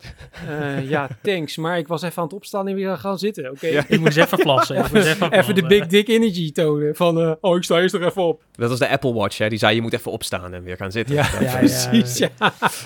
Nee, maar om, ik, ik heb ik heb twee dingen, ik speel een beetje vast, om in te haken op dat gevoel van een ruimtereiziger zijn of misschien inderdaad wat Robert zei, laadschermen zijn nodig. Holy motherfucking shit. Wat heeft deze game veel laadschermen? Waarom heeft een game in 2023 nog zo fucking veel laadschermen nodig? Vanwege die sandwiches, man. Ja, fuck die sandwiches. Nee, die sandwiches zijn een integraal onderdeel van, van Starfield. Van elke Bethesda game. Het, het, feit dat je alles op kan pakken en kan smijten en kan verzamelen. Dat je een en huis dat er dus al mensen zijn want wat even met is, eh, je zei dus je kunt opstaan in je ruimteschip in space. Er is ook een bot en dan kun je ook opstaan. Ja, je kunt er opstaan, maar dan kun je dus opstaan door je uh, hatch. Kun je gewoon naar buiten kun je ruimte zwemmen, zeg maar. Oh, cool. Een beetje spacewalken. Wel met een mod, maar het kan. Uh, en wat dus ook mensen doen, is dan gewoon even 10.000 melkpakken. Uh, hoe je dat? melkpakken spannen. Of oh, ja. 100.000 aardappelen. Kan gewoon. Het is, weet je wat, wel die game. en dat maakt het wel, wel maar waar, waarom moet ik in hemelsnaam op een planeet een laadscherm zien om een grot van vijf vierkante meter in te gaan, waar helemaal geen ene nou, reet te bekennen daar, is? Daar heb je echt een goed punt, want dat is ook in die steden, die zijn gigantisch en vind ik soms nog een beetje steriel. Maar dan heb je heel vaak heb je de ene winkel die is in de open wereld en de andere winkel zit dan achter een deurtje. Maar dat is dan inderdaad een super kleine omgeving. En dan denk ik wel van, nou ja, dit had je toch gewoon in die open wereld kunnen trekken. Uh, nee, ik denk dat ze dat, uh, dat puur gedaan hebben, omdat er een nieuwe uh, fotomodus in zit. En als je daar dus mooie foto's mee maakt, dan worden dat je laadschermen. En ze willen je denk ik gewoon genoeg kans geven om die, uh, om die mooie laadschermen die je dan dus eigenlijk zelf maakt, om, om, om je die te laten zien. Ja, denk ik, ik denk dat het oprecht Sounds ook... De, like bullshit. Nee, de, de, ik, ik, denk dat, blij ik, ik, denk dat de physics oprecht een dingetje zijn. Omdat ze alles opslaan van elk onderwerp, willen ze dat niet allemaal in één grote wereld hebben, want dat zou je... je die, hoe, hoe... Dus ik, ik, ik snap dat er op momenten laadschermen moeten zijn, weet je. Maar aan de andere kant denk ik ook als games als Tears of the Kingdom, weet je. Uh, niet zo grootschalig, nee, nee niet ja. zo grootschalig. Maar als, als een, een game als Tears of the Kingdom in principe drie werelden, drie, drie compleet unieke gebieden kan hebben op een Nintendo Switch. Ja, nee, zeker. Ja. Zonder fucking laadschermen. Waarom, waarom... Kijk, dat je als je naar een planeet landt en er is dan even een laadscherm nodig, zwa. Maar dat je dan binnen die planeet, wat 9 van de 10 keer, dan wel kale vlaktes, dan wel met een paar bomen en vier dezelfde outposts zijn. Waarom heb je daar dan een fucking laadschermen nodig om een grot of een bunkertje ja, of een... Die, weet ik die echt kleine dingen zijn nergens ernstig, voor ja. nodig. Ja. Nee, zeker die kleine grotten zijn echt zo van, kom op. Het is ook donker hier. Er is, er is, er is ja. 8 kb aan, uh, aan level textuur, weet je wel. Uh, ja. Doe niet zo moeilijk. Dus daar... daar uh, daar snap ik hem ook wel. Maar ik heb ook wel zoiets van de laadschermen zijn nooit heel lang als je gewoon een fatsoenlijke SSD hebt. Dus dat nee, ze nee, dat boeien mij ja vaak amper. Ik, ik snap dat... Nee, het is, het, het is voelt misschien wat net te vaak. Ja, het, is, het, is, het voelt niet 2023, laat ik het zo Nee, stellen. Nee, maar het feit dat er... die, andere dingen wel heel 2023 doet, zeg maar. Ja, nee, ja, zeker, zeker. Maar het is een beetje, het is een beetje afwegen. Ja, ik snap wel waarom mensen struikelen over de laadschermen, maar het is ook zo van, eh, vaak is het drie seconden of zo. En dan, dan ik kan amper een slok bier nemen voordat ik weer, eh, dus da, dan, dan boeit het me niet zo heel veel. Zullen we, eh want we zijn alweer eh meer dan een uur over Starfield bijna aan het doen. Oh. Ehm, zullen we... Nog een uur doen? eh, Ja, zullen Nog een uur doen? Dus, dus de Patreon special wordt dat. Nee, zullen, zullen we gaan afsluiten op een, eh, ja, toch misschien wel op een positieve noot. Want we hebben nu even 10 minuten flink lopen klaar met z'n drieën. Is dit een Game of the Year voor jullie? Ik heb er een vrij duidelijke mening over, maar ik ben heel benieuwd hoe jullie erover Jou- jouw duidelijke mening klinkt ook als een nee. Ja, dat is correct. Correct. Maar oké, ik, zal hem- ik zal hem afsteken vooruit dan. Ehm, nee, dit is voor mij zeker niet de Game of the Year. Maar dat heeft voor een groot gedeelte te maken in welk landschap het uitkomt. Ja, oké. Eh, had, dit, had, had, dit, had deze game in 2021 gelanceerd of zo, dan had hij misschien er heel anders voor gestaan. Eh, maar je hebt dit jaar een, eh, een Tears of the Kingdom. Je hebt dit jaar een Baldur's Gate. Je hebt nog een aantal games die gaan komen. Die als een, weet je, er is heel veel goeds dit jaar. En over het algemeen, het doet hele toffe dingen. Maar voor mij komt het niet per se echt boven een 8,5 of zo uit. Als ik het een cijfer zou moeten geven, zeg maar. Het is voor mij niet... Het is tof, het doet heel veel leuke dingen. En zo'n zo'n Mantis missie is heel tof. Maar het doet voor mij niet zo'n mind-blowing ding... dat ik denk van, holy mother of god, dit is het einde van gaming. Dit is, we zijn er. Ja, maar dat hoeft het toch ook niet te zijn? Nou ja, als het een Game of the Year wil zijn in de competitie waar het nu in zit, wel. Ja, oké, oké. Ja, als je het op een soort van hele feitelijke manier bekijkt, is het niet de beste game ooit, nee. Of een perfecte game, verre van.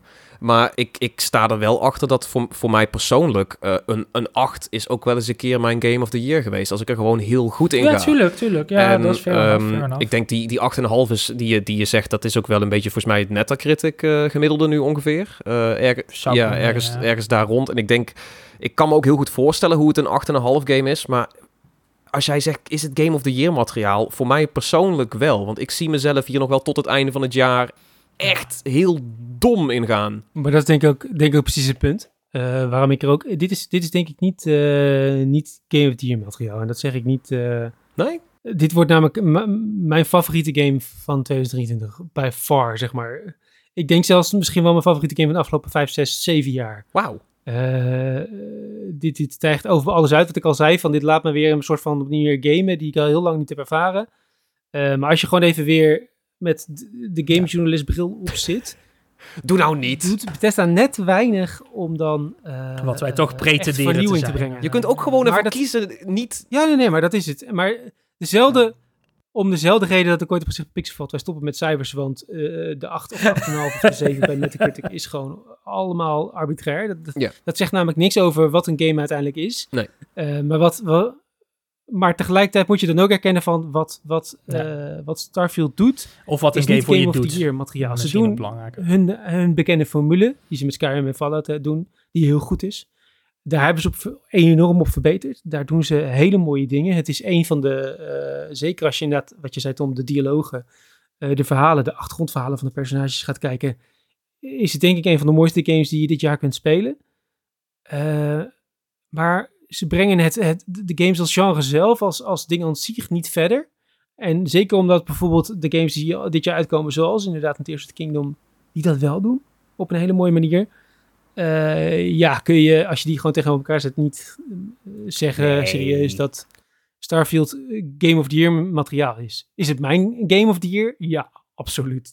Ja, kijk, dat, dat, dat, dat was waar ik naar benieuwd Ja. was. Ik wou niet Game of the Year van wat denken we dat Jeff Keighley dit jaar een, eh, een pluim gaat geven, weet je wel? Want dat, who gives a fuck? Zichzelf. Ja, dat- dat sowieso. een pluim geven. Een paar vingers erin, pluimen, veren, al die dingen. Ehm, maar nee, eh, gewoon, want ik, ik dacht wel, eh, gewoon hoe jij klinkt, Robert. Ik dacht, het is toch gewoon jouw Game of the Year. En het is ook wel fijn te horen. ja, dat het is mijn Game of the Decade. Ik denk dat Ja. ik niet overdrijf als ik zeg dat dit is mijn Game of the Decade. Ja. Dit is iets wat ik nog honderden uren ga spelen. Net als dat ik dat ooit met Morrowind heb gedaan. Ja, ja nee, ja, dat, oké, oké. Nee, want ik, ik had zoiets van, hé, eh, we gaan dat nou toch niet terugkrabbelen. Dit is, uh, we gaan er te goed in met z'n allen. Maar oké, ja. Nee. Ja, misschien is dit ook wel van, uh, dit is ook misschien voor mij wat games moeten zijn. Dus dan... Ja. dan ja, want zo klonk het. dat wel. De het klonk ja, alsof nee, je, dat, weet je wel, je voelt je weer 16. Zo. Dus dat, ja. als je opstaat met het idee van, oeh, wanneer heb ik weer tijd om te, of als ik, nou, weet je dat, dat, dat zegt veel. Dat is echt een hoop, ja. Ja, ik, ik, ik wil... Ik, kijk, voor mij, voor mij was Zelda tot nu toe Game of the Year. Dat, is, dat was voor mij toch echt wel weer iets wat... Ook echt wat Robert zegt, de lat verlegt, zeg maar. En helemaal wat je met hardware kan doen. Helemaal nadat een Pokémon uitkwam of zo. Dan denk je echt, oh shit, dit, dit kan ook, weet je. Ja. Um, maar het is wel mijn verrassing van het jaar, denk ik, tot nu toe. Want de eerste Bethesda Game Studio game. Ja, die, die, die, die kietelt. Die echt ontzettend kietelt. En wat op een hele goede manier doet. Dus dat is... Um...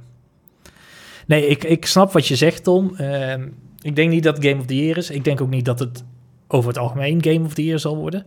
Ik denk dat wel heel veel mensen hem leuk vinden. Uh, volgens mij had riep Microsoft 6 miljoen spelers in de eerste zes dagen of zo. Dat best wel, ja. best wel goede cijfers.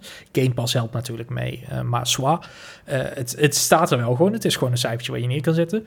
Uh, dus ik denk dat er wel heel veel mensen aan het genieten zijn. Net als dat het is een goed jaar om RPG-fan te zijn. Oh ja, ja, ja. ja dat dat, dat, zeker. dat buiten kijf staat. Ja, absoluut. Oké, okay, dat was Starfield. Uh, we gaan hem voor nu even hierbij laten over Starfield. Dan kan uh, Robert en Tom een Mantis-missie gaan doen. Uh, en kunnen, kunnen jullie ook weer verder met, met je leven. Um, we gaan door naar de nabranders. Ja, ik heb die Dwarf, ik heb die Dwarf 02 nabranders. Die, die zijn wel oké okay als oh, je niet ja. al te groot gaat. Ja, jongens, wat houdt ons verder nog bezig naast een hele hoop Starfield momenteel? Want er is eigenlijk. Robert heeft hals over kop nog wat moeten verzinnen, omdat hij eigenlijk Starfield wou opschrijven. Maar we hebben het net al een uur over Starfield gehad. Ik mocht niet. Ja. Nee, nee, het mocht even niet. Uh, Robert, denk er nog even na. Tom, wat is jouw uh, nabrander voor deze, eh, voor deze week? Mijn nabrander is um, de Razer Blade 14. Die heb ik ook meegehad naar Gamescom. Niet van Gamescom, na Gamescom? Nee, ja, na, na Gamescom en weer teruggenomen. Dit was niet een goodie trouwens. Dat, uh, dat zou wat zijn, ja. Um, nee, uh, Razer Blade. Uh, Razer maakt laptops. Dat weten volgens mij de meeste mensen wel. Maar die komen niet heel vaak en, en niet heel zeg maar vastig naar Nederland toe. Dus dat is af en toe een beetje raar of die nou wel... In Duitsland zijn ze wel eens te verkrijgen, in Nederland bijna nooit. Soms is er wel iets. Nou ja, de Razer Blade 14 is wel een, uh, een kleine laptop dus, uh, 14 inch. Dus echt wel vrij compact. Hij is echt gewoon net zo groot als mijn Chromebook, alleen iets dikker. Maar deze kan... Ziet er wel strak uit ook, toch? Ja, Razer Blades zijn echt een beetje de... Er wordt altijd gezegd van, ja, de, de... de, MacBook voor gamers, dat zeggen ze heel vaak voor ja. chique laptops, maar dat is wel, Razer is daar een beetje mee begonnen van, oké, okay, wij gaan gewoon strak, zwart, metaal en tegenwoordig ook wit of wat lichtere tinten doen ze ook wel eens. Ik heb dan zo'n zwarte. Er zit ontzettend veel power in en dat, uh, dat bevalt me heel goed. Scherm is prima, uh, 240 hertz QHD plus uh, 16 bij 10 verhouding. gewoon een hele werkbare eh, resolutie met ook hoge refresh rate. Maar er zit, eh, er zit echt stuff in om te pompen, dus ook een Starfield kan hij gewoon makkelijk hebben. Ook ultra-wide, hogere refresh rates en dergelijke. Nou, wordt er toch geen Mac? Nee, ja, um, ik, ik, denk, ik denk als je een strakke productielaptop hebt, wil, waar je ook nog lekker op kan gamen, uh, dan denk ik wel dat, uh, dat dit de modelletjes zijn. Dit is er dan eentje met een Ryzen 9 uh, 7940 HS. Dat, zullen niet heel veel, dat zal niet heel veel mensen iets zeggen, maar dit is basically een, een, een 8-core uh, ja. vlaggenschip mobiel van Top AMD. Line, ja. En dan heb je qua uh, GPU heb je de keuze tussen een 4060 of een 4070. En dat zijn eigenlijk best wel prima mobiele chips om, uh, om heel veel games gewoon prima mee te kunnen draaien. Dus um, hij wordt wat warmer. Uh, niet heel luid. Maar als je er oké mee bent dat een laptop gewoon zeg maar 70, 80 graden is als je lekker aan het gamen bent, hij pompt wel gewoon goed. Dus echt een, een mooi ding. Uh, hij, de vanafprijs zit ergens rond de, ik geloof 2200 en deze is dan iets meer. Dus deze zit richting de 2700. Maar dat vond ik nog steeds voor een, voor een zeg maar beestige, strakke laptop. Valt het mee met de Razer tax? Het zijn Mac-prijzen, dus op zich best acceptabel voor een gaming laptop. Ja, dan, uh... maar heel vaak zijn de gaming laptop vlaggenschepen ja. heel makkelijk ook richting de 4 en zelfs de 5000 ja. euro. Ja. Dus dat, uh, ik, als ik zou mogen kiezen, als ik nog een echt een stevige, als ik wil splurge op een stevige laptop, zou ik eerder hiervoor gaan dan zo'n super dik MSI-ding, wat gigantisch is en dan echt letterlijk Ja. eh 4.500 euro kost. Gewoon echt. En 20 minuten van, de, van, van het stopcontact weg kan zijn. Ja, nou, nou gaat zo'n kleine laptop met flinke specs gaat ook niet super lang mee, eh, maar dat, dat is een beetje, ik kan ermee leven met die trade-off. Dus eh, hele mooie apparaten. Ehm, ik weet alleen niet of ze ooit echt in Nederland heel vastig gaan verschijnen. Waarschijnlijk niet. Oké. Robert, heb jij een, eh, een nabrander voor deze week? Ja, ik heb dus eh, alleen maar gewerkt en Steam opgestart om Starfield te spelen. Eh, maar Terecht. ja, daar gingen we, gingen we het niet meer over J- hebben. jullie we doen, hebben gezegd. jullie, jij, je hebt hem gewoon gekocht. Sorry, Gewoon, ja, ja, ik, ik, Als ik een ben, echte pleb heb ik gewoon betaald voor... Nou nee, ja, ik ben, ik ben een Game Pass, ik ben een Game Pass kruk, dus ik speel gewoon Oh, een ja. abonnement, zeg maar. Ik heb Je hem dacht, hij heeft gekocht, eh. Nee, nee, nee, nee. nee, nee, nee, Jij denkt natuurlijk, eh, ik heb hem gepiraat, maar nee, dat, dat gaat me dan weer... Als een echte Space Pirate. Ja, Ja, precies. Spacer. Ik ben gewoon een corporate eh shield. Ehm, letterlijk, voor uh, Raijin Industries. eh, moet je eens langs gaan. nee, ik startte de Steam op en toen hadden ze dus vandaag, want eh, vandaag de dag dat wij het opnemen, 30 september, eh, bestaat Steam 20 jaar. Gefeliciteerd, En, Kate. ehm, ja, ja. maar ze hebben dus heel leuk eh, overzicht. Als je hem dus opstart Steam, dan zie je het misschien vanzelf. Maar toen start ik hem voor de tweede keer op en kon ik het niet meer vinden. Maar ik heb inmiddels een linkje. Die Call of Duty bestaat bij, blijkbaar ook 20 jaar. Op dezelfde dus, dag? nou ja, die kreeg ik vandaag dan. 20 jaar Call of Duty. Ah, oké. eh. Oh. Maar ze hebben in ieder geval Steam, eh, of Valve heeft dus een heel leuk Steam overzicht gemaakt met alle games die elk jaar uitkwamen sinds hun eh, release. Dus natuurlijk in het begin eh, de Half-Lives. Eh, en daar hebben ze dan een leuk verhaaltje bij, maar ook inderdaad met eh, wat leuke referenties naar gewoon dingen die dan in popcultuur of in het algemeen memes van het jaar. Ja. Memes van het jaar. Noem een staal, noem de vleesjurk van Lady Gaga. Het zit er allemaal in. Ja. Ehm, dus wil je je even goed oud voelen, eh spoel er dan even lekker doorheen. Is heel leuk. Hij wordt ook nog een klein beetje, want ik heb die van eh, mij en Kevin net even langs elkaar gelegd. En eh, eh, hij wordt een klein beetje gepersonaliseerd. Dus ze hebben wel een beetje de vaste games. Maar als je een game heel veel gespeeld hebt, dan, dan duikt die zeg maar wel op in je, in je overzicht. En bij anderen niet. Dus het is ook wel gewoon een beetje persoonlijk. Van, ja. Dat, die games waren voor jou groot eh, in dat jaar. Dus check dat, is leuk. Hoe lang zit je eigenlijk al op Steam? Heb je daar... het staat bij je profiel. ik zit op iets Het van... staat bij mijn profiel. Maar ik zit zeg maar op een tweede account. Oh ja, natuurlijk. Dat verhaal. Ja, ja, ja. Ja, dat verhaal. Ik heb hem ooit, eh, in het kort, ik heb hem ooit uitgeleend. eh, heel dom. En toen is diegene door Counter-Strike gevac-band, zeg maar, het anti-cheat systeem van Steam. Eh nu zeggen ze, joh, je hebt vast zelfs een cheater. Nee, echt niet. Ik heb hem echt uitgeleend en eh, ik was gewoon de Sjaak. En ik zit dus met dit account eh, sinds 2010, dus 13 jaar. Netjes, netjes. Eh, maar ik denk dat ik sinds misschien het tweede of derde jaar erop zit. Eh, want ik ben eigenlijk meteen met Half-Life bijna eh, ingestapt. Of ja, misschien ja, ja, ja. eh, anderhalf jaar later of zo. Maar het is ook echt een leuke run door de historie. Door, ja. Gewoon echt puur... Ja, het is gewoon een stukje gamegeschiedenis wat je gewoon even Ja. lekker kunt, eh, kunt scrollen. Dus eh, Maar ja, ook- heel leuk als je op, op Steam actief bent sowieso ook als je niet op Steam actief bent, maar je hebt iets met games. Ik denk dat het gewoon leuk is om er doorheen te bladeren, want zeker ook... Wel. PC-games. Ja, vooral wel PC-games, dat inderdaad wel. Maar omdat ze ook telkens die popcultuur dingen eraan linken, uh, ja, is het echt zo van... Oh shit, is die game uitgekomen toen we het allemaal hadden over die blauwe, zwarte of wit-gouden jurk? Huh, was dat toen alweer? Eh, dat, eh, ja, heel leuk gedaan. Ja, of is Gangnam Style echt zo lang geleden? Is dat echt... Ja, dat is 20, tien of zo, toch of niet? Echt heel, heel veel terug. Inderdaad. Nou, eh, je ziet het dus eh, in het linkje wat ik in de show notes al zetten. Uh, eh, leuk overzicht. Nice. Ik wou het even niet over games hebben, of soort van, nee, niet helemaal. Ehm, ik heb de afgelopen week de One Piece live action serie gezien. ik wou zeggen, inderdaad, daar gaat het weer over anime hebben, maar even heeft een hoor. Ik heb een loophole gevonden. Ehm, nee, ja, we hebben de nieuwe, de nieuwe eerste seizoen van de live-action eh, remake van One Piece is verschenen. Ehm, het is niet zo slecht als ik had gedacht. Ik had echt een heel hard hoofd hierin. Ehm, en het valt reuze mee. Het is, eh, ja, ja, ja, het is, Hoezo de kunnen ze is het heel wel? goed. Ja, ze kunnen het wel. De cast is heel goed. Ehm, Inoki Godoy, de, de acteur die Luffy speelt, hoofdpersonage, heeft precies diezelfde energie, kinderlijke vibes, enthousiasme die, die Luffy in de serie zeg maar ook heeft. Maar ook de rest van de cast is, is bijna allemaal heel goed gedaan. Uit- Uitzondering daar laten. Ehm, enige kantelpuntje wat ik er aan wil geven is... eh, de CGI voelt een beetje alsof het zo uit The Mask komt, uit 1994 met Jim Carrey, weet je wel. Oh. Ja, het is, het is... het is grappig, maar het is allemaal, het zit een beetje uncanny valley. Het, het, is, het, is, het is, als je het ziet, dan snap je het waarom. Als, het, als er geen CGI gebruikt wordt, want er zit heel veel practical effects in. Leuk. Uh, de, de, de Fishman, die, die dus een, een, een, een uh, er zit eentje met een kartelhaai snuit, zeg maar, uh, op, op zijn neus, dat soort dingen. Dat is allemaal practical effects. Dat ziet er super tof uit. Een beetje engig zelfs. Maar dan heb je inderdaad die, die rubberarmen van Luffy of uh, Boogie de piraat die zichzelf kan ophakken in losse stukjes. Dat Oeh. is allemaal dan weer, is het allemaal nee, niet.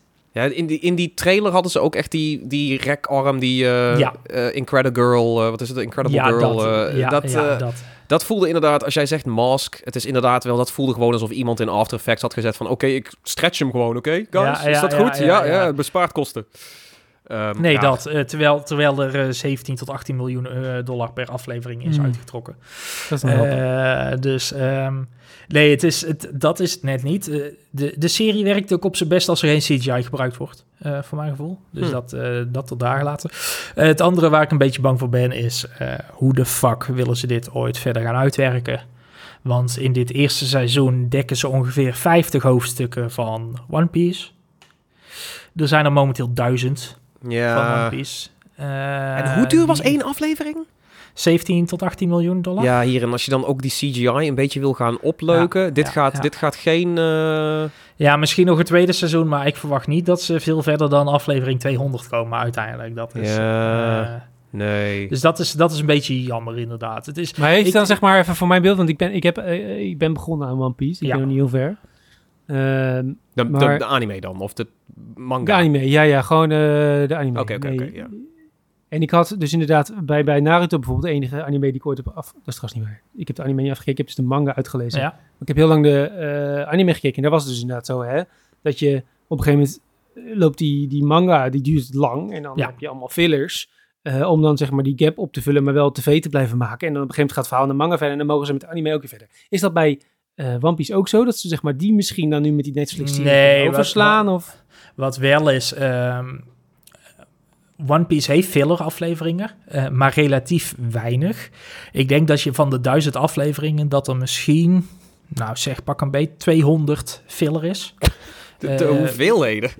Ja, maar dat is, dat is redelijk. Ik denk dat bij Naruto, bij de anime, ongeveer de helft filler was, zeg maar. Wat gewoon allemaal. Ja, ze begint echt niet meer te doen. Dat inderdaad. Uh, One Piece heeft wel een handje van dat ze inderdaad één gevecht over tien afleveringen kunnen uitrekken. Meer het, meer het uh, Dragon Ball probleem, zeg maar. Dat ja, je maar dat van, mag ik altijd wel. Ja, precies. Dat, dat is in, in, de, in de serie is dat natuurlijk een stuk teruggebracht. Want ja, ze doen acht afleveringen van 50 minuten spant ongeveer 50 afleveringen in de anime van 20 minuten. Dus ze hebben echt wel een, een heel stuk ingekort. Uh, sommige dingen laten ze eruit, sommige dingen verschuiven ze een beetje.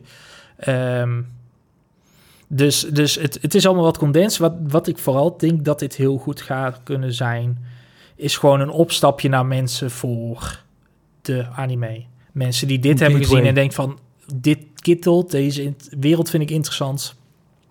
Dan moet je gewoon de anime gaan kijken.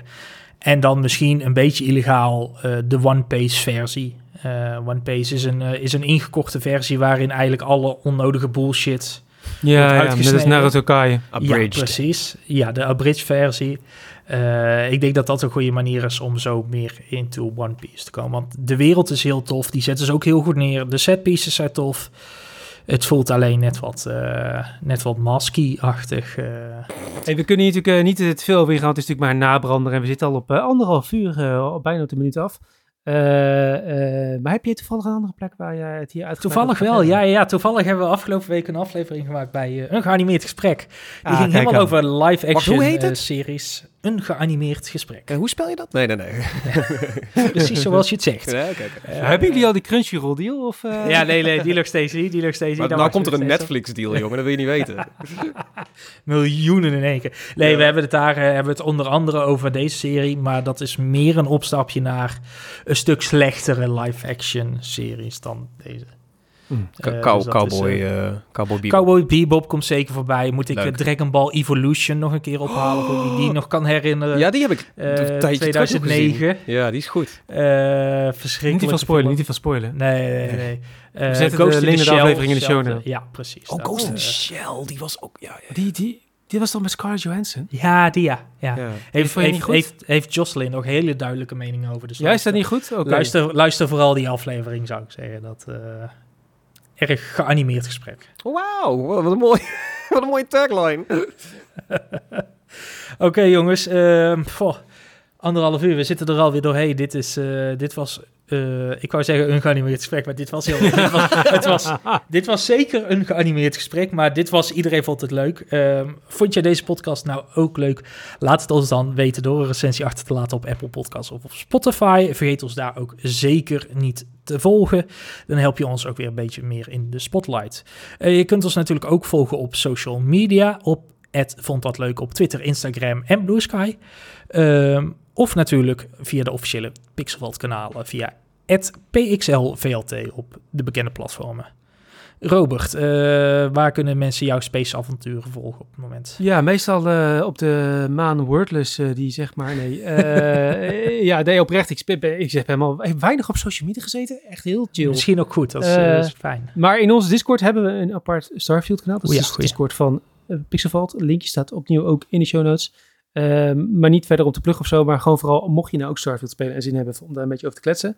Uh, ik zit daar ook dagelijks in uh, screenshots te delen waar dan uh, niemand op reageert. Want die is oh, alweer een foto van je basis. Nou weet je het wel, Robert. maar kom dus vooral foto's van jouw basis delen, want daar ben ik benieuwd naar. Oké, helemaal goed. Tom, heb jij al een, een Starfield screenshot Instagram? Nee, maar dat is eigenlijk wel een... Dat klinkt wel slim. Dat klinkt goed. Dat is eigenlijk niet eens zo heel gek inderdaad. Een, een, Starfield photography uh, met dan echt hele, hele artsy-fartsy dingetjes. Nee, die heb ik niet. En ik ben eigenlijk ook op social media niet zo heel veel Starfield dingen aan het delen. Hoogstens nog wat Gamescom dingetjes. Maar ik ben, ben het daarom ook wel helemaal uh, met Robert eens. Uh, kom lekker op die Discord server van Pixel Vault langs. Is gezellig. zit daar inderdaad ook af en toe rare dingen, screenshots te delen. ja, gezellig. Kom daar langs. Uh, nou, ik ben ook in die Discord-server natuurlijk te vinden. Uh, geel. Maar ook nog steeds op Instagram, Twitter en Blue Sky als KevR. En dat is K-E-V-V-R. Jongens, bedankt voor jullie, uh, voor jullie Starfield-verhalen. voor de luisteraars, bedankt voor het luisteren. En tot de volgende keer. Hoi hoi. Ai ai, Captain. Ik zoek iets. ik zoek een space soort van into the starfield. boldly go. Ik kan nergens opkomen. Doei. This is uh, Captain Robert signing off. Dat is hem. Thanks. Dat is hem.